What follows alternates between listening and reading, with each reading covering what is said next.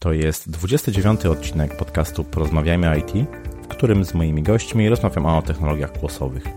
Przypominam, że w poprzednim odcinku poruszyłem temat trendów w IT na rok 2019. Chcę poszerzać horyzonty ludzi z branży IT i wierzę, że poprzez wywiady takie jak ten, publikowane jako podcasty, będę to robił z sukcesem. Jeśli chcesz mnie wspomóc, to ocena podcastu mail z dobrym słowem są zawsze mile widziane. Ja się nazywam Krzysztof Kępiński i życzę Ci miłego słuchania. Odpalamy. Cześć. Dzisiaj mam dwóch gości. Jest to co-founder, właściwie co-founderka firmy Upside z Krakowa, która specjalizuje się w technologiach e, głosowych. Wcześniej pracowała również jako HR manager i Scrum Master w firmie UTY. I mój drugi gość to CTO tejże samej e, firmy. Wcześniej pracował jako e, tech leader i developer. Uwielbia używanie technologii do rozwiązywania realnych problemów. A ta firma to Upside y, Krakowa, która specjalizuje się, tak jak powiedziałem, w technologiach y, głosowych i właśnie o tym nowym trendzie technologicznym dzisiaj porozmawiamy. Moimi gośćmi są Kasia Ryniak i Rafał Cymerys. Witam Was bardzo serdecznie. Cieszę się, że będę miał okazję z Wami porozmawiać i fajnie, że zgodziliście się przyjąć zaproszenie do podcastu. Cześć. Cześć. Wielka przyjemność po naszej stronie. Bardzo się cieszę. E, ja zawsze rozpoczynam od takiego wprowadzającego trochę pytania e, na rozluźnienie, mianowicie jest to pytanie, czy słuchacie podcastów, a jeśli tak, to jeśli moglibyście się podzielić takimi swoimi ulubionymi podcastami. No, to jest mój temat, więc ja zacznę. Ja jestem uzależniona od podcastów, słucham podcastów codziennie, zaczynam dzień od podcastów, tak na dobrą sprawę. Jak sobie wracam do tych pierwszych podcastów, które słuchałam, to, to był Tim Ferris Show jako jeden z takich najbardziej popularnych jeszcze parę lat temu. I to były podcasty, które opowiadały historie i często to były takie kryminalne historie ze Stanów, czyli na przykład Alice. Ale później gdzieś tam to moje zainteresowanie powędrowało, przeszło do bardziej biznesowych podcastów, na przykład y, HBR Ideacast, no a w tym momencie oczywiście Twój podcast – i bardzo też lubię biznes w IT Piotrka Budzkiego. Mhm. E, ja podcastów słucham trochę mniej, natomiast staram się wybierać te, które są naprawdę super. I tak jeszcze do tego, co e, Kasia wymieniła, dodałbym 99% Invisible, który porusza tematy designu i biznesu i odpowiada na wiele bardzo ciekawych pytań, na przykład skąd bierze się kształt pociągów e, w Japonii. Naprawdę ciekawa perspektywa na świat i warto poszerzać horyzonty w tą stronę też. Mhm, mhm, pewnie. Bardzo ciekawe podcasty postaram się też podlinkować w opisie tego odcinka. No i cieszę się, że nie tylko ja jestem uzależniony od słuchania podcastów. Fajnie. Okej, okay. To wobec tego rozpocznijmy od takiego ogólnego dosyć pytania, ponieważ nie wszyscy słuchacze mogą wiedzieć, czym są technologie głosowe. Bardzo bym Was prosił o odpowiedź właśnie na to pytanie, czym są technologie głosowe. W ogóle spotykamy się w bardzo ciekawym momencie, bo jesteśmy dosłownie parę dni po premierze Google Assistant w Polsce, po polsku. Więc myślę, że tak powoli nam rośnie świadomość w narodzie, co to są technologie głosowe. Ale jak mamy podsumować tak dosłownie y, paroma zdaniami, to powiedziałabym, że technologie głosowe w tym momencie w takiej funkcji do nas jako do użytkowników sprowadzają się do asystentów głosowych. Do takich asystentów, które są zasilane sztuczną inteligencją i ci asystenci pomagają nam realizować takie proste rzeczy w naszym życiu i też umożliwiają nam skróty do wielu produktów, do wielu serwisów i to, co jest w nich najwspanialsze, to jest to, że nie potrzebujemy ekranów, żeby się z nimi komunikować, nie potrzebujemy takich interfejsów graficznych, ale możemy używać tego, co jest dla nas, jako dla ludzi najbardziej naturalne, czyli dla głosu i dla mowy. Jasne, fajnie, dzięki za tą, e, za tą odpowiedź.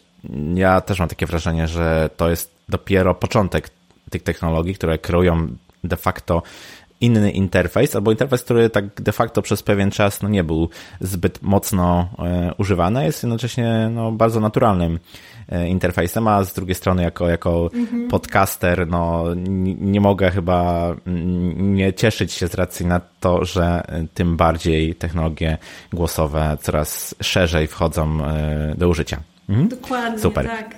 A właśnie, wobec tego w jakich e, branżach najczęściej e, wykorzystuje się te technologie głosowe? Czy to jest tylko rynek e, B2C, rynek taki e-commerce'owy, czy też może no jakoś szerzej możemy mówić o wykorzystaniu obecnie technologii głosowych?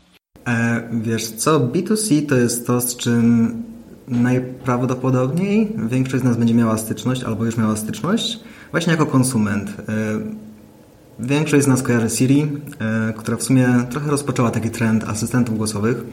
E, bodajże w 2011 roku była premiera pierwszej wersji Siri, na początku której się z niej podśmiewywali, ale koniec końców gdzieś tam no, popchnęła cały temat do przodu. W tym momencie mamy Google Asystenta, Alexa, które też są bardzo szeroko spopularyzowane w świadomości, mm, świadomości ludzi. Więc to jest jeden z takich aspektów. To są asystenci głosowi, z którymi styczność mamy chociażby przez smartfony. E, na zachodzie sporo osób ma smart speakery, o których pewnie też za chwilę będziemy trochę więcej mówili, które też e, pozwalają nam na wchodzenie w interakcję z asystentami głosowymi. Natomiast same technologie głosowe to jest trochę szersza perspektywa, mm, bo asystenci głosowi to jest tak naprawdę konsekwencja tego, że mamy rozpoznawanie głosu, które działa całkiem dobrze, ma gdzieś około 95% dokładności co jest naprawdę dobrym wynikiem. I też wszystkich prac nad rozumieniem języka naturalnego przez komputery, które sprawiają, że możemy właśnie wykonywać jakieś akcje za pomocą głosu. I to, co jest też bardzo ciekawe, to że same te technologie, o ile my je widzimy na rynku B2C, one mają trochę zastosowań przemysłowych i te zastosowania rosną.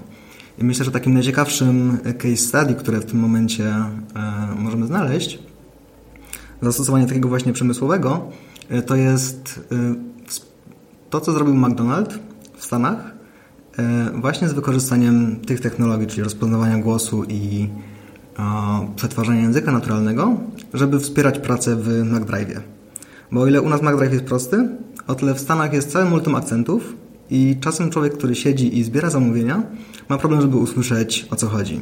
Wiadomo, ktoś mówi z jakimś teksańskim akcentem, który jest ciężki do zrozumienia, natomiast w momencie, w którym wepniemy tam po drodze jeszcze właśnie machine learning, rozpoznawanie e, głosu, e, ta technologia jest w stanie rozpoznawać, co mówi klient, co klient próbuje zamówić i temu człowiekowi, który zbiera zamówienia, podrzucać podpowiedzi, e, co potencjalnie ta osoba mogła chcieć zamówić. Czy to był cheeseburger, czy to były frytki. I to strasznie drastycznie zmniejszyło im ilość pomyłek w zamówieniach. Więc to jest takie zastosowanie już bardziej przemysłowe, takie, którego nawet nie widzimy, a być może z niego korzystamy. One po prostu gdzieś są tylko nie w taki jawny sposób. A padły tutaj mm, jakieś nazwy, marki e, producentów, e, marki sprzętu, marki technologii. Mm, no właśnie, chciałem Was zapytać, jakie firmy obecnie są zaangażowane w tworzenie takich technologii głosowych, od strony, od strony technologii, od strony sprzętu. Ja mm, przyznam szczerze, że kojarzę dwóch głównych graczy, czyli Google mm. i, i, Amazon. No, mm, Siri, tak jak tutaj Rafał wspomniał, być może trochę wyśmiewane, ale jednak gdzieś tam się przepycha pewnie, pewnie pójdzie jeszcze bardziej e, do przodu. Czyli te dwie, trzy, powiedzmy, mm, dwóch, trzech producentów jest takich najbardziej rozpoznawalnych, najbardziej e, znanych. Czy ktoś jeszcze tutaj na tym rynku się liczy? Jak patrzymy na rynek, to widzimy, że coraz więcej firm w ogóle się zaczyna interesować tworzeniem własnych technologii głosowych. I mamy na przykład Samsunga, który wypuścił Bixby, czyli taką swoją własną platformę. Ona jest na razie w takich wczesnych fazach, natomiast bardzo dużo widzimy takiego rozwoju tej technologii właśnie u Samsunga. Jest też Facebook, który tworzy własny system rozpoznawania mowy i też wprowadza coraz więcej tych funkcji głosowych do swoich produktów. Ale ostatnio miały miejsce targi CES w Las Vegas, te największe targi komercyjnych technologii w Stanach. I one tak na dobrą sprawę były zdominowane przez różne firmy, które może nawet nie tylko tworzą swoje własne, takie customowe produkty, ale można powiedzieć, że upychają ten głos do swoich własnych produktów, które koniec końców trafiają do konsumentów. Więc widzimy coraz więcej i też widzimy mocne ruchy tych takich największych technologicznych graczy. I to myślę, że jest bardzo ciekawe w takim szerszym kontekście. Mhm, pewnie. No, należy przypuszczać, że wie, coraz więcej takich y, graczy będzie, będzie wchodziło. Myślę, że, że, że coraz, coraz no, więcej firm, o których w tej chwili być może nawet e, nie, nie, słyszymy, albo niektórych nie kojarzymy z tymi technologiami, będzie chciało kawałek tego tortu dla siebie zagrać, zabrać, a przynajmniej no, mam taką nadzieję, że tak się będzie działo. No właśnie, a, a, a hej Siri, porozmawiajmy o Siri chwilę. chwilę. E, tak, troszeczkę podchodzi się do tej technologii nieraz e, z pewnym, z pewnym żartem. Ja nawet gdzieś tam słyszałem, że, że tak de facto technologia, która stoi za Siri, to jest po prostu gdzieś tam taka sieć ifów, które, które, które mają za zadanie rozpoznawanie um, tego, co chcemy, chcemy przekazać. To oczywiście jest pewien, pewien żart, ale y, no, ta technologia jeszcze powiedzmy nie jest aż tak dojrzała, jak być może inni konkurenci.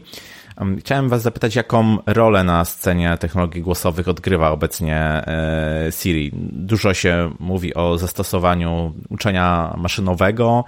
E, z drugiej strony, właśnie są też głosy, że to Siri niekoniecznie musi to uczenie maszynowe być bardzo mocno e, zaimplementowane, że być może są to jakieś inne rozwiązania typu właśnie drzewa decyzyjne, tak jak, tak jak powiedziałem. Z drugiej strony ilość sprzętu Apple, e, które wspiera Siri, no jest tak duża, że nie da się po prostu tej technologii gdzieś tam pominąć. Dlatego chciałem Was zapytać o Wasze zdanie, Wasze, o, Waszą opinię, jaką rolę obecnie odgrywa mhm. Siri, jeśli mówimy o technologiach głosowych. Mhm. E, tak jak wspominałeś, e, w sumie tak jak mówiliśmy wcześniej, Siri było, było chyba takim pierwszym mainstreamowym e, asystentem głosowym, więc w 2011 roku naprawdę zrobiła dużo szumu wokół samej technologii. E, ludzie zaczęli się tym interesować. I czytałem kiedyś blog posta pisanego przez byłego inżyniera Apple'a, który właśnie opowiadał o tym, jak wyglądała pierwsza wersja Siri i to rzeczywiście była technologia rozpoznawania głosu, plus cała masa e, ifów, wyrażeń regularnych, które próbowały dopasować e, to, co powie człowiek, do konkretnych akcji, które Siri potrafiła wykonać. Natomiast to były wczesne wersje. Mm, część ludzi, która korzystała z tego, która pamięta, jak to działa, nie było to aż takie gładkie jak teraz. W tym momencie Siri zrobiła duży postęp. Natomiast coś, co widzimy, to to, że jest trochę do tyłu względem konkurencji. Przez konkurencję rozumiejąc Amazona i Alexa, jak również Google z asystentem. Coś, co ma w szczególności Google, to bardzo fajna integracja asystenta z całym ekosystemem Google'a. E, plus też otwarcie na e, customowe rozwiązania, które jest dostępne zarówno w przypadku asystenta, jak i w przypadku Alexy. Czyli możemy właśnie budować aplikacje głosowe na mm, asystenta, na Alexę, co koniec końców dla użytkownika objawia się tym, że po prostu ten asystent jest o wiele ciekawszy, bo on potrafi realizować więcej funkcji niż to, co zostało dostarczone przez producenta. W przypadku Siri y, całkiem niedawno y, Apple obudził się i udostępnił możliwość budowania y, customowych aplikacji voice'owych. Natomiast to jest dalej strasznie ograniczone. Oni obsługują chyba 6 albo 8 takich use cases zdefiniowanych przez Apple i no nie pozwala to na rozwinięcie pełnych skrzydeł Siri. Natomiast co jest też ciekawe, to obserwujemy sobie w ogóle, co się dzieje e, w świecie Voice'a. I w ostatnich miesiącach Apple wrzucił strasznie dużo ofert pracy e, właśnie dla designerów, dla deweloperów związanych z mm, światem konwersacyjnych interfejsów, w szczególności interfejsów głosowych. Więc widzimy, że gdzieś powoli będzie próbował to nadrobić. E, inna rzecz jest taka, że Apple to by było dwa lata temu, wypuścił swój własny smart speaker, trochę w odpowiedzi na to, co zrobił Amazon z Echo, z Alexą i Google z Home'em. Natomiast no, nie udało mu się zebrać zbyt dużej porcji rynku za pomocą tego e, smart speakera. To, co się, to, co się stało w ostatnich dniach, to Apple ogłosił plany, że będzie że włączy tego HomePoda, jak nazywa się ich smart speaker, do chińskiej dystrybucji. Więc widać też, że gdzieś powoli e, zaczynają nadganiać temat. Co w tym momencie to jest taki trochę niszowy produkt, natomiast bardzo spopularyzowany przez smartfony. Mm, możemy spodziewać się, że jednak e, wróci do gry za niedługo. Ja jestem ciekawy właśnie, jak to będzie wyglądało. A wspomnieliśmy tutaj o um, uczeniu maszynowym, jeżeli chodzi o takie, mm. takie podstawy technologiczne, um, chociażby z rozpoznawaniem właśnie, e, rozpoznawaniem mowy, czy później w jakimś budowaniu odpowiedzi na to, co chcemy o właśnie od, od asystenta, od Siri czy, mhm. czy od, od Alexy. Mm, zastanawiam się, czy technologie głosowe mają obecnie bardzo duże powiązanie z uczeniem maszynowym, ale jaki, jak, jak, ten wpływ, e, jak ten wpływ się przedstawia, jak tutaj wkomponowuje się uczenie maszynowe w cały ten stack technologiczny, który e, stoi za technologiami głosowymi? Mhm. E, zdecydowanie przetwarzanie mowy. Czyli zanim zrobimy cokolwiek z komendą użytkownika, musimy ją najpierw przetłumaczyć tak naprawdę z fal dźwiękowych na tekst, który możemy sobie potem obrobić w jakiś mm, automatyczny sposób i z tego wyciągnąć rzeczywiście jakąś na przykład intencję użytkownika, żeby potem ją zrealizować. Więc takim pierwszym krokiem, który tutaj się pojawia, to jest właśnie rozpoznawanie mowy. I tak naprawdę moment, w którym rozpoznawanie mowy doszło do takiego stanu, w którym zaczęło być używalne, mm, to był moment, w którym te technologie zaczęły się bardzo mocno rozwijać. Więc to jest taki pierwszy krok, który jest mega istotny, bo bez tego nie bylibyśmy w stanie zrobić nic więcej. E, drugą sprawą jest samo przetwarzanie języka naturalnego.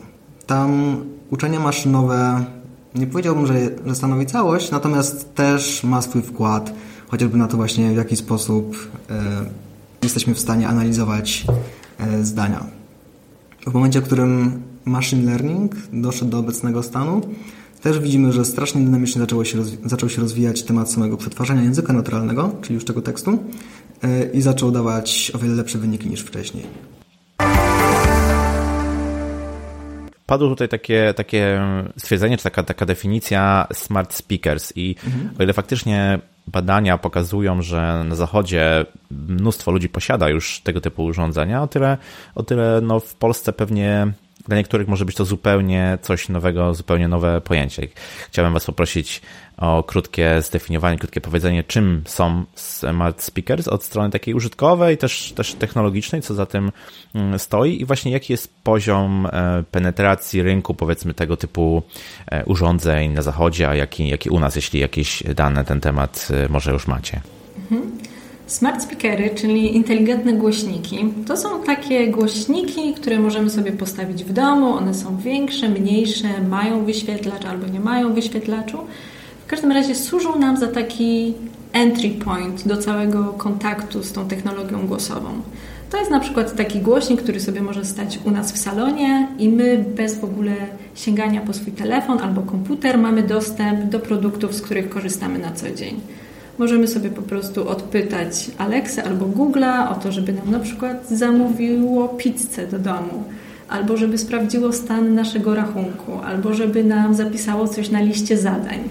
Więc to jest taki małe urządzenie, które pomimo tego, tych swoich niewielkich rozmiarów daje nam dostęp do technologii. I tak na dobrą sprawę, idąc już krok dalej, to jest też taki nowy interfejs dla nas, jako dla użytkowników technologii żeby wchodzić w interakcję, bo tutaj nie mamy niczego graficznego, nie mamy przycisków, które nam mówią, co się zadzieje, tylko ta cała nasza interakcja odbywa się naturalnymi zdaniami i odbywa się omalże tak, jakbyśmy rozmawiali z drugą osobą. I to jest takie trochę niebezpieczne stwierdzenie, natomiast tak trochę jest.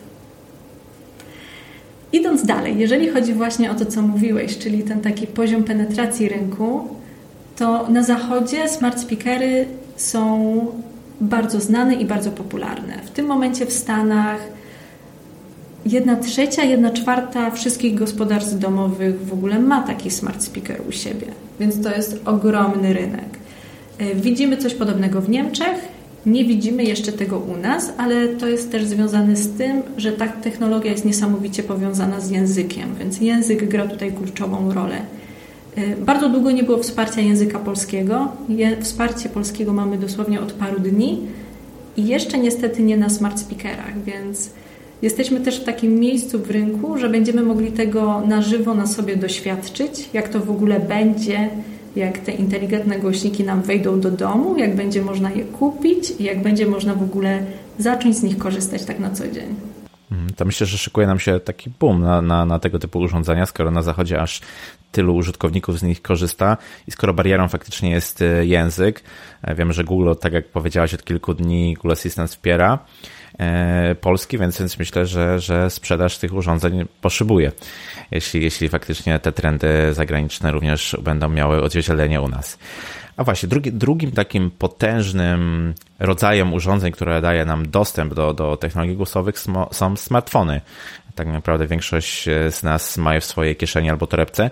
Mm, jak, jak według Was e, wygląda ten udział i, i, i wpływ, oddziaływanie smartfonów i, i technologii głosowych? Więc to jest generalnie dłuższa historia, bo od smartfonów wszystko się zaczęło. Właśnie od Siri, które pojawiło się w iPhone'ie. Mm, to był też czas, kiedy smartfony e, przeżywały swój złoty wiek. E, był na nie strasznie duży popyt. E, użytkownicy odkrywali, co się z tymi smartfonami można zrobić. Parę lat temu pojawiły się właśnie smart speakery, o których opowiadała Kasia. I one bardzo szybko spenetrowały dużą część rynku, bo są super tanie urządzenia. One kosztują 50 mm, dolarów takiej najtańszej wersji, więc to jest po prostu idealny prezent świąteczny i one trochę jeszcze bardziej pod, podbiły taką świadomość technologii voice'owych, bo to jest coś, co po prostu można kupić rodzicom na święta, w ogóle się nad tym nie zastanawiać i też jest fajny gadżet, mamy taki głośnik, z którym sobie można pogadać. Mm, natomiast coś, co widzimy teraz, to trochę taki renesans technologii głosowej na smartfonach. To jest coś, co bardzo mocno widać po działaniach Google'a. Mm, taką Ciekawą rzeczą jest to, że mm, o ile smart speakery są fajne koncepcyjnie, bo możemy sobie z nimi porozmawiać, o tyle z czasem podczas projektowania y, właśnie aplikacji voice'owych y, bardzo często okazuje się, że brak ekranu to jest też jakaś przeszkoda jednak. Ciężko komuś na przykład pokazać rachunek, w sumie przedyktować rachunek, prawda? Więc jednak ten wyświetlacz daje nam całkiem dużą rolę do popisu. Mm, I coś, co widzimy, to mm, to, jak fajnie na przykład taki Google Assistant działa w smartfonie, jako takie mm, jako taki skrót do wielu akcji, które można przez tego smartfona wykonać. Czyli zamiast odblokowywać smartfona, klikać po nim, żeby na przykład ustawić sobie jakieś powiadomienie, możemy, chociażby w przypadku Pixela, który ma taki super skrót do odpalenia asystenta, wystarczy go po prostu ścisnąć z obu stron, możemy powiedzieć do telefonu, e, żeby nam ustawił takie i takie przypomnienie i tak naprawdę e, w ten sposób załatwiamy dużo małych akcji, które normalnie byśmy musieli sobie poklikać po tym ekranie.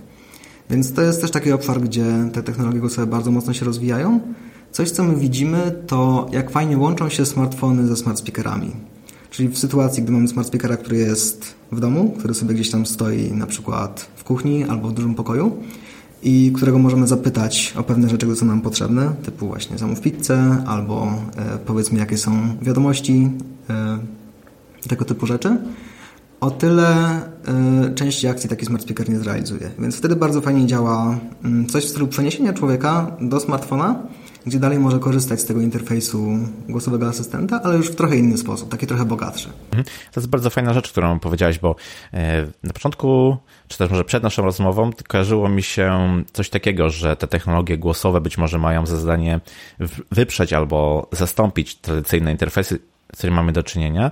Tymczasem teraz odnoszę wrażenie, że to jest bardziej taki komplementarny interfejs, który ma być może pomóc albo wspomóc niektóre działania, albo uprościć wręcz, a niekoniecznie, niekoniecznie zastąpić. I, I właśnie ta współpraca, o której powiedziałeś, dosyć dobrze według mnie oddaje taką, taką ideę.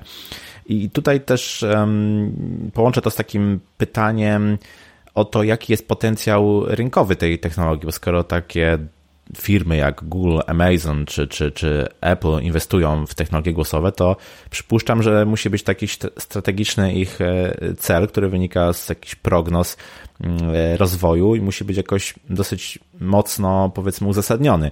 E, stąd właśnie moje pytanie, jaki jest potencjał rynkowy tych technologii? Mhm. My się chyba dołączamy do tych wielkich gigantów i twierdzimy, że ten potencjał jest ogromny i będzie jeszcze większy.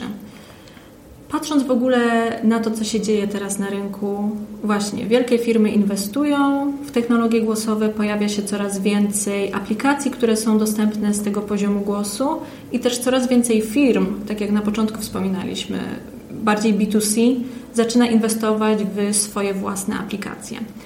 Jak patrzymy na rynek, to to jest mniej więcej to, co się działo 10 lat temu, gdy na całą scenę technologiczną wchodził mobile, czyli jakiś nowy interfejs, który, o którym też się mówiło, że zastąpi komputery. Jak wiemy, 10 lat później nie zastąpił komputerów, ale właśnie dodał nam ten nowy rodzaj interfejsu i nowy rodzaj doświadczeń z technologią. Mobile uprościł wiele rzeczy, rozwinął wiele rzeczy i dał nam taki dostęp do technologii, który jest bardzo natychmiastowy. I trochę tak się dzieje teraz z Voice'em. To nie będzie coś, co wyprze telefony albo wyprze komputery, tylko to będzie właśnie nowy interfejs, który nam doda. I też jeszcze tak patrząc na rynek, w tym momencie jesteśmy w takim miejscu, że mobile osiągnął swój szczyt. Wydaje nam się, że znamy wszystkie możliwości telefonów komórkowych, tych nowości z roku na rok się pojawia coraz mniej, bardziej idziemy w to, żeby to były potężniejsze sprzęty, jeżeli chodzi o to, co mogą zrobić, a niekoniecznie o to, jaki jest ich zakres. No i w tym momencie nam wchodzi coś nowego, coś, czego możliwości w ogóle w tym momencie odkrywamy i coś, co właśnie nam doda inny rodzaj interfejsu i doda nam porozumiewanie się z technologią za pomocą mowy. Czyli coś, co było takie trochę science fiction, a w tym momencie nam wchodzi do naszego codziennego życia. Mhm. Ciekawa lata przed nami zatem. A właśnie, słucha nas wielu programistów, tylko chciałem teraz e, zadać takie pytanie bardziej może techniczne, programistyczne. Jak wygląda od strony programistycznej tworzenie aplikacji na, na, na platformy głosowe? Z jakich języków możemy e, skorzystać? Jak wygląda taki proces e, publikacji, przygotowania aplikacji? Czy to się bardzo mocno różni od, e, no nie wiem, na przykład aplikacji platform webowych, mobilnych? Mhm. Ja bym to w dużej mierze porównał do platform mobilnych, mm, bo jakby nie patrzeć, tworząc aplikacje głosowe, operujemy w kontekście jakiejś platformy. Czy to jest Alexa, która oferuje jakieś możliwości, natomiast też trzyma to wszystko w ryzach i nie możemy e, wykraczać poza jej możliwości. Tak samo jest z asystentem, mm, gdzie też tworzymy po prostu aplikację na platformę asystenta i dla użytkownika korzystanie z tej aplikacji w dalszym ciągu musi być spójne z tym takim user experience'em, którego doświadcza przy okazji korzystania z jakiejkolwiek innej akcji asystenta. E, więc tak Zaczynając może od początku, mm, tutaj, tak jak wcześniej wspominaliśmy, pojawia się kwestia rozpoznawania głosu, przetwarzania języka naturalnego, więc e, do samego rozpoznawania głosu tutaj nie mamy zbyt wiele nawet do gadania. Wiadomo, są jakieś kwestie prywatności e, i żadna z tych platform nie udostępnia surowych nagrań deweloperom, e, tylko dostajemy transkrypty, więc z jednej strony nie mamy tutaj pola do popisu, z drugiej strony dobre jest to, że nie musimy się tym przejmować, bo wiadomo, mm, tworzenie modeli e, uczenia maszynowego do rozpoznawania mowy to jest dosyć ciężki temat, wymaga olbrzymiej ilości danych, e, żeby to nauczyć, więc to już dostajemy od samej platformy. E, podobnie jest z tematem przetwarzania języka naturalnego. Mm, taki, tworzenie takiej aplikacji skupia się w dużej mierze wokół akcji, które możemy udostępnić użytkownikowi. Więc obie z tych platform oferują narzędzia, które pozwalają na wytrenowanie e, pewnego modelu e, NLP do rozpoznawania konkretnych akcji, które my udostępniamy takiemu użytkownikowi. Możemy tam też stosować własne rozwiązania, są rozwiązania open source'owe, natomiast zarówno Amazon, jak i e, Google dostarczają super narzędzia do tego stworzone. One też są o tyle fajne, że mają graficzny interfejs, który dla dewelopera niekoniecznie musi być czymś najfajniejszym. E, wiadomo, nie? Fajnie, się, fajnie się w JSONach e, wrzuca różne konfiguracje. Natomiast to jest o tyle fajne, że na takim etapie często jeszcze pracują designerzy, którym po prostu wygodnie jest e, wyklikać rzeczy i mogą sobie przeprowadzać jakieś zmiany bez nas. Mm, w dalszej części mamy już taką część stricte deweloperską, czyli tak naprawdę my dostarczamy takiej platformie mm, API, która odpowiada na konkretne typy zapytań i które steruje flowem takiej aplikacji. W przypadku asystentów głosowych to bardzo często jest konwersacja wzbogacona o jakieś elementy wizualne. Na przykład mamy do czynienia ze smartfonem, z Google Asystentem, możemy tam powrócić też trochę e, no, grafiki, która pomoże użytkownikowi też w e, używaniu naszej aplikacji. I to jest tak pobieżnie tyle, tam jest dużo jeszcze jakichś niuansów w środku. E, no i co też warto wspomnieć, to zanim opublikujemy aplikację na którejkolwiek z tych platform, musi ona przejść przez review, czy to Amazona, czy to Google'a. Co jest ciekawe, to mm, że obie z tych firm w tym momencie bardzo dużą uwagę skupiają na user experience. Oni nie chcą mieć w tych swoich storach, przez które dystrybuują aplikacje voice'owe, aplikacje, które są trochę toporne, które odbiegają od wzorców, które gdzieś tam widzimy w voice. Więc coś, co dostajemy przy okazji takiego review, poza tym, że yy, sprawdzają, czy nasza aplikacja podąża za jakimiś guideline'ami, to jest właśnie to, czy ona po prostu jest dobrze zaprojektowana, czy będzie fajnie działała dla użytkownika. A jeszcze tutaj pociągnę y, ten temat trochę, jeśli Rafał pozwolisz. Mhm. Mianowicie dwa pytania mi się pojawiły. Mhm. Wspomniałeś o tym, że tak de facto logika, która steruje tą aplikacją, to jest zaszyta w, w API, które my wystawiamy. Zatem tak de facto nie ma jakiegoś jednego języka programowania. De facto to, w czym zaprogramujemy mm, serwis, który wystawia API, to jest tak de facto dosyć dowolna technologia, prawda? Dobrze to zrozumiałem? Mm, tak, tutaj nie ma żadnych ograniczeń technologicznych, tak długo jak wystawiamy jakiś endpoint y, po HTTPS-ie. Jedyne co to mm, jest trochę narzędzi takich deweloperskich, które ułatwiają zarządzanie tym całym procesem. To jest coś, ale wiesz, na przykład frameworki webowe, które tak naprawdę mhm. zapewniają Ci jakąś obsługę requestów, jakieś podstawowe przetwarzanie, podstawowe template'owanie odpowiedzi i tak dalej. Mm, więc to samo mamy w przypadku Voice'a. Tutaj takie wiodące narzędzia pojawiają się dla JavaScriptu i dla Pythona. Więc hmm. mamy y, na przykład Alexa Skills Kit, który, którego Pythonowa implementacja jest bardzo fajna, bardzo przyjemna i upraszcza bardzo mocno tworzenie na przykład skomplikowanych odpowiedzi, które musimy dostarczyć Amazonowi. Mm, tak samo Google i y, jego Actions on Google Platform y, też udostępnia bardzo fajne narzędzia tym razem dla JavaScriptu, y, które też pomagają nam właśnie w takim facylitowaniu tego procesu. Ale tak jak wspominałeś, możemy sobie wybrać co chcemy. No to fajnie, że nie jesteśmy jak gdyby przywiązani do jednej technologii, bo to myślę upraszcza wejście mm, szerokiej, szerokiej rzeszy programistów, którzy są przyzwyczajeni do, do jakichś określonych języków y, programowania. A takie drugie pytanie, które mi się nasunęło, kiedy, kiedy wspomniałeś o tym, o, tej, tej, o tych technologiach e, od strony deweloperskiej, mm. to jest ten store, w którym, w którym de facto lądują aplikacje, które później, mm. z którego później możemy sobie te aplikacje e, instalować. Właśnie, to jest ciekawy proces. Jak, na, jak instalujemy na przykład aplikację na smart speakerze, de facto mm. nie posiadając innego interfejsu niż, niż głosowy. Bardzo mnie to zaciekawiło. Tak. A wiesz co, takim naj, może nie najprostszym, ale takim sposobem, który jest najpewniejszy, to jest po prostu wywołanie takiej aplikacji po nazwie. Nazwy muszą być unikatowe w obrębie Store'a. To działa trochę jak domeny. Mm, zaklepiemy sobie jakąś nazwę, ta nazwa jest nasza mm, i użytkownicy mogą nas po niej znaleźć.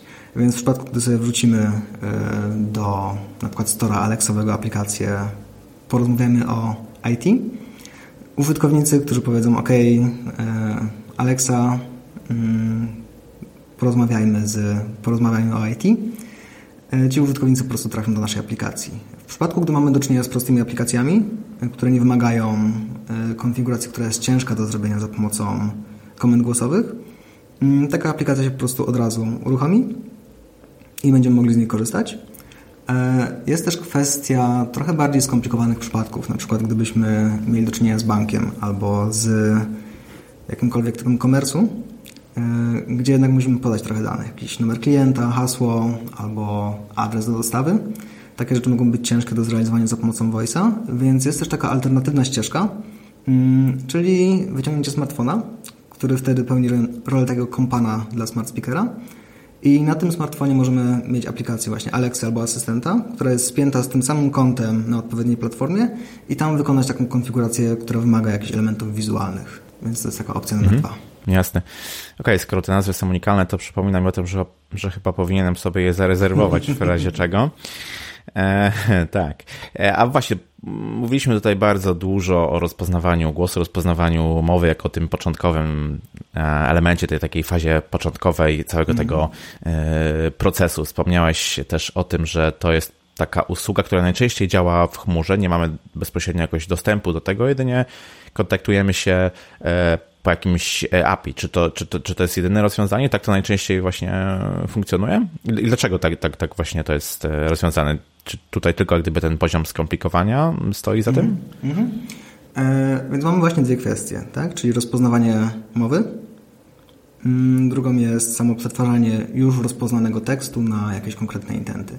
Więc w przypadku rozpoznawania mowy, w kontekście samych smart speakerów i ogólnie asystentów głosowych, tam musimy się zdać na łaskę platformy Google'a albo Amazona, właśnie ze względu na to, że oni po prostu nie chcą nam przekazywać części rzeczy mm, chociażby to ze względu właśnie na prywatność. Użytkownicy mają dużo obaw w tym temacie.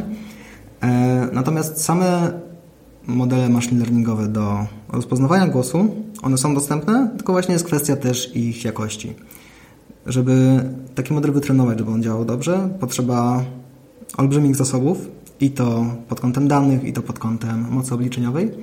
Dlatego w tym momencie najlepsze rozwiązania to są właśnie rozwiązania dostarczane przez Google, przez Amazona, przez Microsoft, mm, którzy po prostu dostarczają to szerokiej ilości użytkowników i mają zasoby, żeby e, takie modele wytrenować e, z bardzo fajną dokładnością. Mm, drugą kwestią jest przetwarzanie języka naturalnego, które jest mimo wszystko trochę prostsze. I tutaj mamy dostępne rozwiązania właśnie od Amazona w postaci Alexa Skills Kit. Mamy e, rozwiązania od Google'a, czyli Dialogflow, który też załatwia tą część przetwarzania rozpoznanego tekstu na jakąś akcję w naszej aplikacji. I tutaj już są trochę lepsze rozwiązania open source'owe. Jest na przykład takie, takie narzędzie, które się nazywa Rasa. E, ono jest tworzone przez taką firmę z Niemiec i to jest tak naprawdę coś, czym możemy potencjalnie zastąpić Dialogflow, jeśli na przykład przestanie nam wystarczać, będziemy chcieli to gdzieś sami dogrywać. Więc alternatywa jest, natomiast te rozwiązania, które dostajemy w platformach, one są po prostu mm, z jednej strony proste w użyciu, z drugiej strony też mają całkiem dobrą, są całkiem dobre jakościowo. OK, dzięki za tę odpowiedź i teraz już obiecuję ostatnie mocno technologiczne pytanie. E, z czego składa się taki, powiedzmy, development kit e, dla Alexy albo Google Assistant? Mhm. Wspomniałeś już o kilku e, narzędziach, ale domyślam się, że to pewnie jest znacznie szersze spektrum. A, tak, więc mamy narzędzia, czyli z jednej strony rozpoznawanie mowy, które sobie działa gdzieś w chmurze. Mamy narzędzia do konfigurowania całego silnika przetwarzania języka naturalnego. Mamy narzędzia dla deweloperów, E, które w dużej mierze tak naprawdę opakowują to wszystko, co z jednej strony dostajemy z API e, odpowiedniego, odpowiedniej platformy, z drugiej strony opakowują też nasze odpowiedzi, mm, które z perspektywy dewelopera często są w miarę proste, natomiast te API mają dosyć duże oczekiwania odnośnie jakiejś struktury tych wszystkich, e, tych wszystkich odpowiedzi, więc to jest coś, co dostajemy i co niesamowicie ułatwia w ogóle rozpoczęcie pracy z takim Mm, z taką platformą. E, inna kwestia to są na przykład narzędzia deweloperskie, takie command line'owe, które załatwiają na przykład proces publikowania e, aplikacji voice'owej. E, albo ostatnio Amazon też wypuścił bardzo fajne narzędzie do testowania silnika NLP. W momencie, w którym sobie go konfigurujemy jakimiś na przykład przykładowymi frazami, które użytkownik może powiedzieć, żeby wykonać jakąś akcję, E, tak długo jak to jest proste, jest ok, natomiast w momencie, kiedy nam to wszystko puchnie, e, może się zdarzyć, że jednak tam pojawi się trochę problemów na samym etapie właśnie wyciągania intencji użytkownika z tekstu. Na przykład zdarzy się, że wytrenujemy sobie taki model w taki sposób, że będzie miał zbyt podobne jakieś zdania treningowe dla dwóch różnych intencji i będzie się po prostu mylił odpaloniem, do czego się spodziewamy. Więc Amazon dostarcza bardzo fajne rozwiązania, które pozwalają zautomatyzować też testowanie takie integracyjne. Mhm. A słucha nas sporo osób, które pracują w sposób y, zdalny. Mhm. Czy, mogliby, czy moglibyście opowiedzieć o takiej interesującej aplikacji na Amazon Alexa, jaką jest Harvest? Jest aplikacja, jedna z pierwszych, które w ogóle stworzyliśmy w Upside, głosowa. I to jest aplikacja, tak jak wspomniałeś, na platformę Amazona, na Alexę, która pozwala mierzyć czas pracy, a raczej kontrolować narzędzie do czasu pracy. Mamy Harvest. Harvest to jest właśnie aplikacja, za pomocą której można się rozliczać ze swoim pracodawcą albo z samym sobą godzinowo, więc jest dużo osób, które nas słuchają, które pracują zdalnie, dużo osób pracuje w IT, więc pewnie to jest rzeczywistość dla nas bardzo dobrze znana, że trzeba sobie zapisywać, ile się czasu spędza w pracy. I do tej pory trzeba było po prostu odpalać sobie jakiś program, zaznaczać, że się zaczyna pracę, zaznaczać, kiedy się skończyło pracę i najlepiej jeszcze napisać, nad czym się pracowało, żeby tego nie zapomnieć przy okazji jakichś raportów.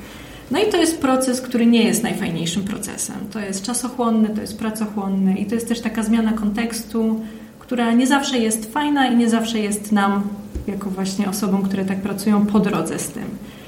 Y, więc stworzyliśmy aplikację, która jest sterowana stuprocentowo głosowo więc w momencie, jak pracujemy i na przykład koło swojego stanowiska pracy, koło swojego komputera mamy postawioną Alexę, to możemy kontrolować Harvesta za pomocą właśnie komend głosowych. Czyli możemy powiedzieć Alexa rozpocznij timer albo Alexa zatrzymaj timer i Alexa dodaj na przykład y, projekty graficzne do mojego czasu pracy. I w tym momencie umożliwiamy sobie taki bardzo gładkie trakowanie tego wszystkiego i bardzo gładkie trakowanie czasu.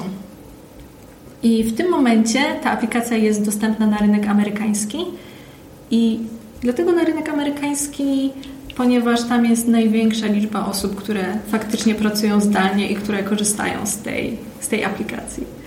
Y, a samo, samo tworzenie tej aplikacji myślę, że wspominamy bardzo fajnie, bo to był też taki jeden z pierwszych momentów, kiedy musieliśmy się zmierzyć z tematem projektowania głosowego. Fajna aplikacja też, też by mi się przydała. E, czy myślicie, że mm, po tym, jak na przykład Google Assistant e, wprowadza, wprowadza e, support dla języka polskiego, to jakieś plany powiedzmy w tym kierunku z waszej strony też pójdą, żeby, żeby na rynek tutaj no, polskojęzyczny w jakiś sposób tą, tą aplikację udostępnić? Myślę, że jak najbardziej. Ja w ogóle na razie czuję swój osobisty niedosyt tworzenia aplikacji na rynek polski. Do tej pory pracowaliśmy głównie z klientami ze Stanów i z Niemiec, więc ta cały czas praca była w innym języku niż nasz ojczysty. W tym momencie mamy taką możliwość i w tym momencie też jesteśmy przy okazji pracy nad pierwszą aplikacją polską i mówiąc bardzo osobiście, ja mam z tego ogromną frajdę i bardzo mi się to podoba. Super. A wiem, że stworzyliście też taką bibliotekę JavaScriptową, e, Voice Commerce JS. Wydaliście ją nawet jako open source. Mhm. Jest to biblioteka do, do mm, powiedzmy integracji e, e-commerce i asystentów właśnie głosowych. E, moglibyście też mhm. opowiedzieć więcej na temat tej biblioteki? E, tak. Wiesz co, swego czasu pracowaliśmy trochę z różnymi e-commerce'ami. Czy to pracując nad strategiami voice'owymi, czy to nad e, jakimiś mniejszymi wdrożeniami. Mm, I coś, co nam wyszło przy okazji tego, e, to, że jest bardzo mała świadomość dostępności takich technologii związanych z voice'em e, w środowisku e-commerce'owym. W szczególności wśród deweloperów, dla których w przypadku e-commerce'a jest na przykład całe duże grono deweloperów, którzy niesamowicie dobrze znają się na na przykład Magento, który jest chyba takim naj... może niekoniecznie najpopularniejszym, ale takim najpotężniejszym e, narzędziem do tworzenia e-commerce'ów. E, natomiast dla tych ludzi często próg wejścia, chociażby właśnie w takie technologie związane z voice'em, jest dosyć duży, bo z jednej strony trzeba mm, w ogóle ogarnąć technologię samą w sobie, z drugiej strony, żeby zrobić coś fajnego, chociażby jakiś prototyp, trzeba też e, jeszcze wykombinować, jak wszystko połączyć, jak połączyć jedno z drugim. E, więc tak też powstał Voice Commerce JS. Mm, to jest taka nasza biblioteka open source'owa, która działa trochę jako taka zajawka dla deweloperów, żeby im pokazać, że się da i że fajnie może coś tam pokombinować z tym tematem. E, więc to, co ona nam załatwia, to pozwala od tak spiąć się z Magento, który już sobie gdzieś działa nawet produkcyjnie i dobudować do tego bardzo prostą voice'ową integrację. Więc w tym przypadku mamy tam takie dwa najpopularniejsze case'y związane z e-commerce'em, czyli śledzenie stanu zamówienia. Na zasadzie zamówiłem, zamówiłem coś w sklepie, mam Alexę, która stoi sobie gdzieś w kuchni i tam rano ją odpytam, ok, kiedy będzie kurier. Więc takie coś bardzo łatwo podpiąć. Yy, a drugą rzeczą jest reordering, czyli ponowienie ostatniego zamówienia, które w części branż, na przykład właśnie yy, przy okazji dostaw pizzy, gdzie często zamawiam po prostu taką samą pizzę jak ostatnio, pozwala nam na złożenie takiego szybkiego zamówienia e, bez myślenia. To też bardzo fajnie się wpisuje w możliwości smart speakerów, gdzie nie ma ekranu, ciężko pokazać multum opcji, natomiast właśnie rzeczy typu pizza albo na przykład jedzenie dla e, kota. E, to są rzeczy, które często zamawiamy po prostu tak automatycznie, bez myślenia, więc w niektórych sklepach takie coś się super sprawdza. No ale to jest taka baza, którą sobie można rozszerzać już na bazie swojej kreatywności, e, czy też kreatywności swoich designerów, o jakieś trochę mocniejsze case'y, które już są bardzo specyficzne dla konkretnego sklepu. Chciałbym Was teraz e, zapytać, jak ten rynek, czy też ten rozwój technologii głosowych wygląda w Polsce. Bardzo mocno odstajemy od, od e, zagranicy? Trochę tak. Jakby nie patrzeć, Alexa wyszła w Stanach już ponad 3 lata temu. Mm, i wtedy właśnie strasznie zwiększyła się świadomość tych technologii. Ona wtedy też pojawiła się w domach, ludzie zaczęli z tego korzystać. Więc jakby nie patrzeć, tam jest trochę większa świadomość i jest też trochę większa chociażby dojrzałość użytkowników. W sensie oni już się nie boją tej technologii, oni z niej normalnie korzystają i można eksperymentować z coraz silniejszymi zastosowaniami, odchodząc trochę od takich pierwszych, prostych na przykład gier sterowanych głosem, jakieś trivia albo quizy i przechodzić w stronę takich trochę nawet bardziej poważnych zastosowań, typu właśnie commerce e, albo obsługa bankowości. U nas w zasadzie w zeszłym tygodniu dopiero pojawił się Google Assistant mm, i to jest pierwsza z tych technologii, z, której, z, którą, z którą mamy do czynienia po polsku, co jednak jest dosyć dużym wyznacznikiem e, gotowości takiej technologii, prawda? Bo jakby nie patrzeć, sam język, to, że technologia jest dostępna w naszym języku, ona sprawia, że będziemy z niej korzystać. Dla wielu ludzi, nawet jeśli posługują się angielskim, e, korzystanie z jakiejś technologii po angielsku to jest jednak dosyć duży, e, to jest jednak dosyć duży problem, bo nie zawsze nas dobrze zrozumie, nie czujemy się na tyle pewnie, żeby z tego korzystać poważniej. W momencie, w którym mamy dostęp do naszego e, ojczystego języka, którym się posługujemy najbardziej swobodnie, to strasznie też zmienia adopcję takich technologii. I to też sprawia, że z takiego grona early adopterów, z którym mamy teraz do czynienia w Polsce, czyli ludzi, którzy sobie kupili gdzieś tam smart speakera Google'a, smart speakera Amazona za granicą, przywieźli do Polski i korzystają z tego po angielsku, bo po prostu są ciekawi tej technologii. E, w momencie, w którym mamy do czynienia z językiem polskim, który jest naturalnie dostępny, e, w przypadku takiego wirtualnego asystenta, mm, to jest technologia, która jest w stanie wyjść spoza tego grona właśnie do takich e, normalnych konsumentów i to jest tak naprawdę moment, w którym ta technologia zacznie się tak poważnie rozwijać. Mhm. Dokładnie, no to myślę, że szybko nadrobimy zaległości. No, rynek już trochę zebrał, mam wrażenie, feedbacku, informacji na temat e, technologii głosowych. Trochę, trochę już e, się dzieje i wydarzyło.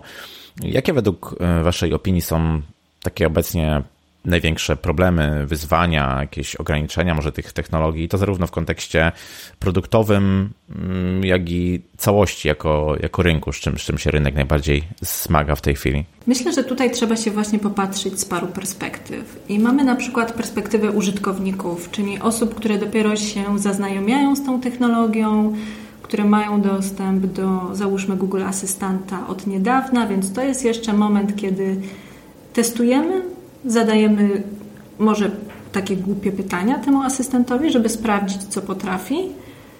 Instalujemy pierwsze aplikacje i sprawdzamy, co jest w ogóle możliwe, przy okazji budując zaufanie do tej technologii.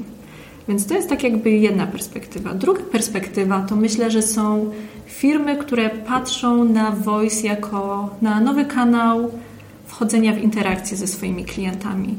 Czy to kanał sprzedażowy, czy to kanał marketingowy, czy wsparcie obsługi klienta i myślę, że jeszcze milion innych zastosowań, które tak na dobrą sprawę ta technologia ma. I te firmy wchodzą na pole, które jest bardzo nieznane w tym momencie i jest bardzo otwarte. Jest otwarte na nowe wdrożenia, na nowe sposoby rozwiązywania problemów. I to jest też pole, gdzie na razie nie ma zbyt dużej konkurencji. I to myślę, że jest bardzo ciekawe właśnie w kontekście firm, żeby zacząć się tym interesować właśnie teraz, kiedy technologia dopiero buduje swoją pozycję. Mówiąc dalej o takich wyzwaniach i ograniczeniach, myślę, że sam design i development to jest coś, co cały czas się rozwija i tak jak na przykład patrzymy na interfejsy graficzne i załóżmy na to, jak są projektowane aplikacje mobilne. W tym momencie mamy gdzieś tam szereg zasad, do których się stosujemy. Na przykład mamy menu hamburgera i wiemy, co się stanie, jak klikniemy na to właśnie menu hamburgera. Natomiast jeżeli chodzi o voice, nie mamy jeszcze czegoś takiego. Więc w momencie, jak powstają nowe aplikacje, jak tworzymy nowe produkty na te platformy, to jest dużo rzeczy, które trzeba eksperymentować, trzeba tworzyć samemu i też to jest ten moment, kiedy twórcy tej technologii, czy designerzy, czy deweloperzy są takimi mocnymi pionierami. I tak na dobrą sprawę teraz się kształtują te zasady, które myślę, że w perspektywie paru, paru lat będą zasadami, które będą obowiązywać. No właśnie, chciałbym troszkę rozszerzyć ten temat interfejsu, bo gdy mm, mówimy o takim asystencie głosowym, to najczęściej właśnie, tak jak kilka razy to już padło, rozumiemy go jako inny rodzaj interfejsu człowiek-maszyna.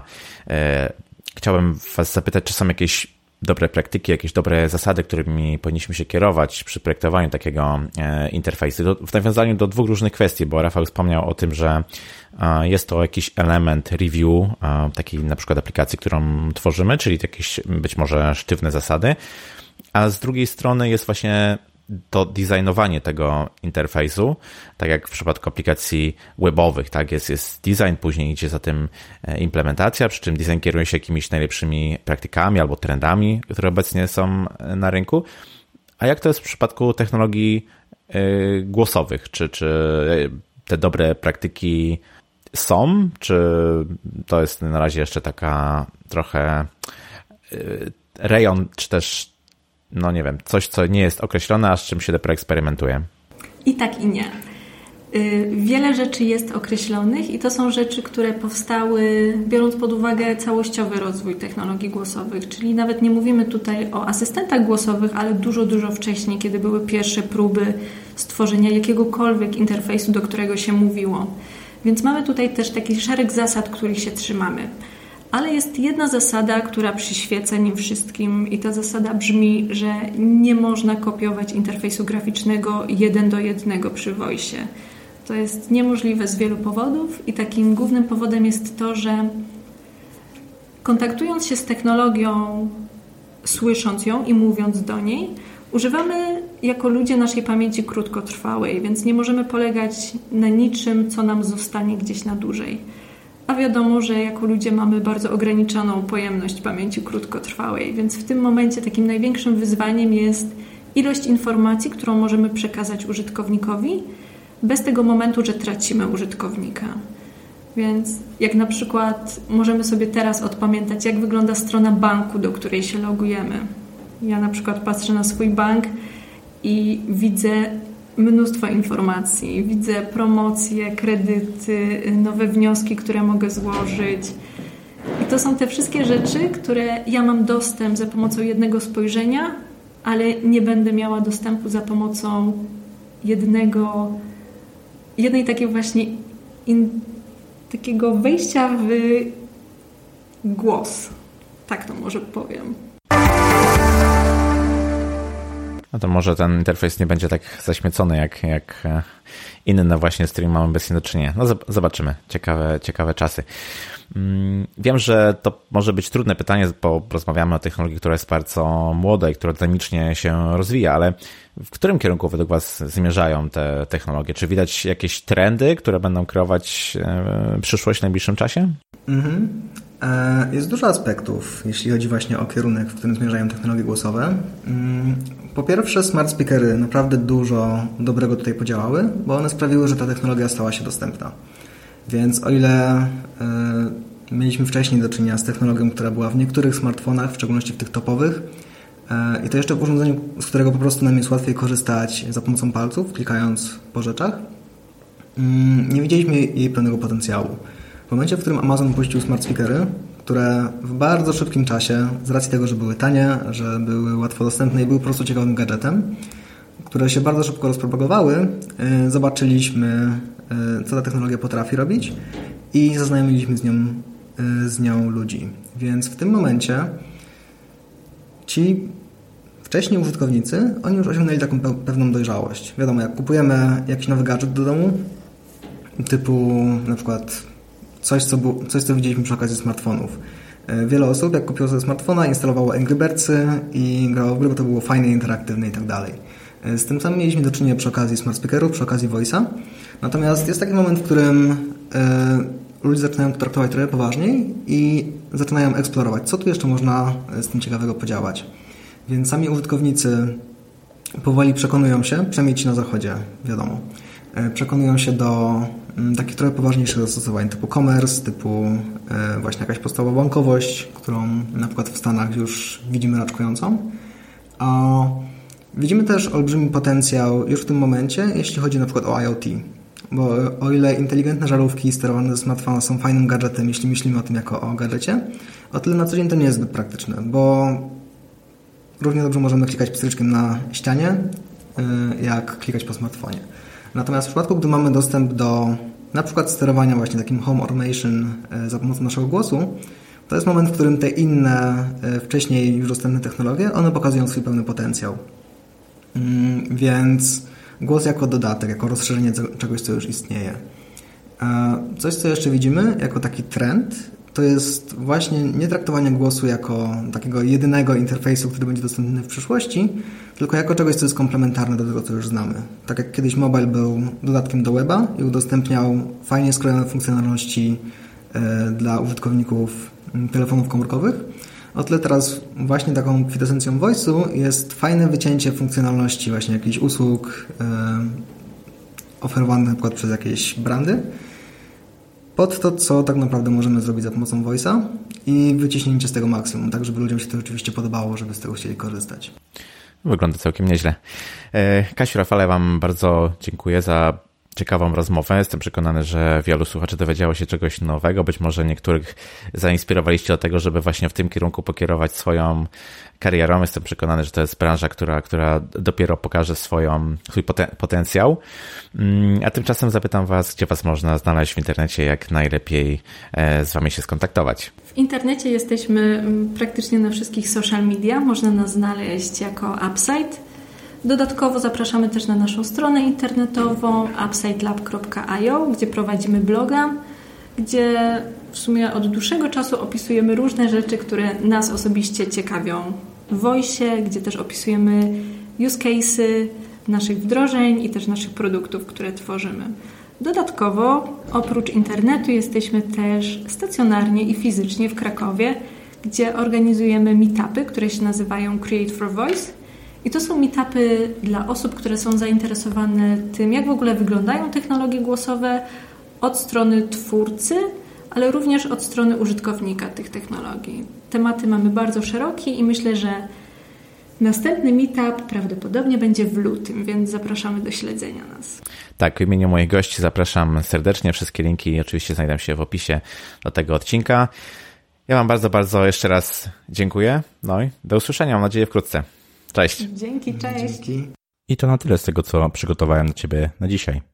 Technologie głosowe coraz mocniej wchodzą do naszego życia jako alternatywny interfejs.